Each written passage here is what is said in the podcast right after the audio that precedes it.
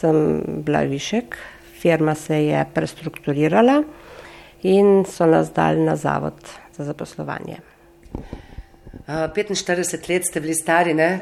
Človek ima občutek, ko je star 45 let, da je mlad. Ampak, ko se pa išče služba, ne?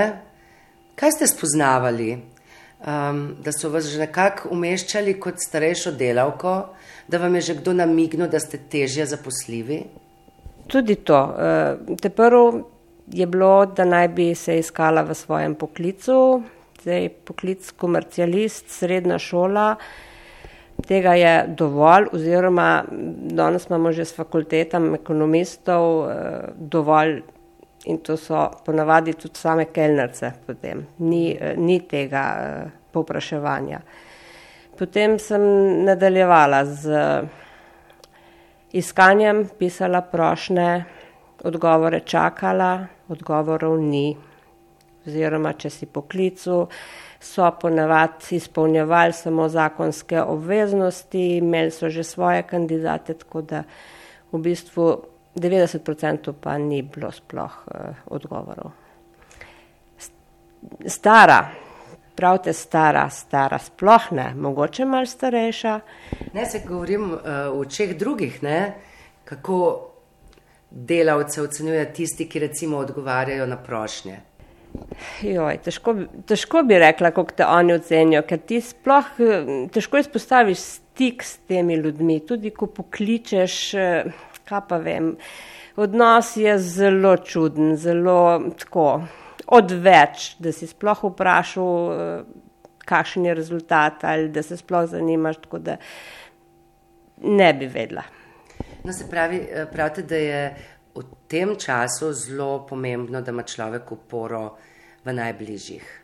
Definitivno. Upora so edino družinski člani, tvoja družina, ki ti stojijo ob strani v vsakem momentu.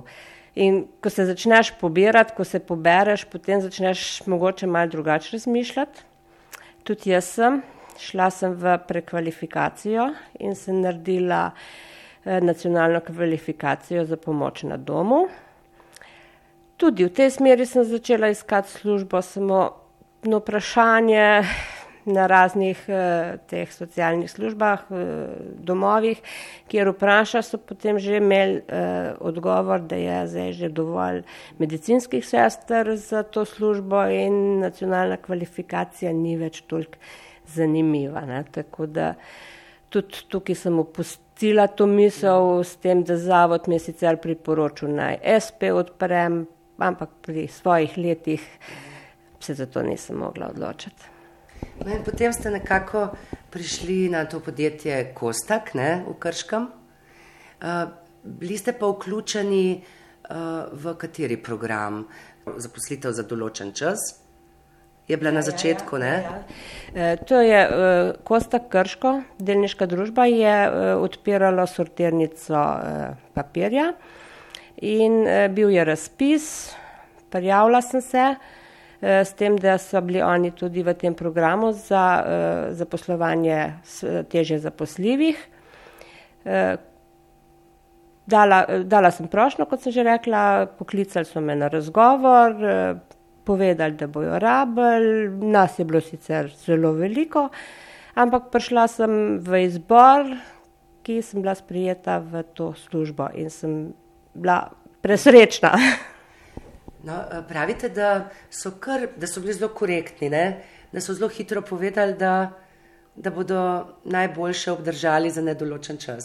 Res je, že na razgovoru so povedali, kaj zahtevajo, kakšne eh, so, so standardi dela, in takrat so povedali, da če bomo dobri, tudi zaposlijo, kar so se pa resnično držali. Še pred iztekom eh, enoletnega obdobja smo mi vedeli, da smo zaposleni za nedoločen čas, zdaj je že tretje leto teče, eh, ker smo zaposleni in moram pohvaliti firmo, kore, korektnost eh, njih, njihovih eh, vodilnih, da so res držali se tistega, kar so povedali.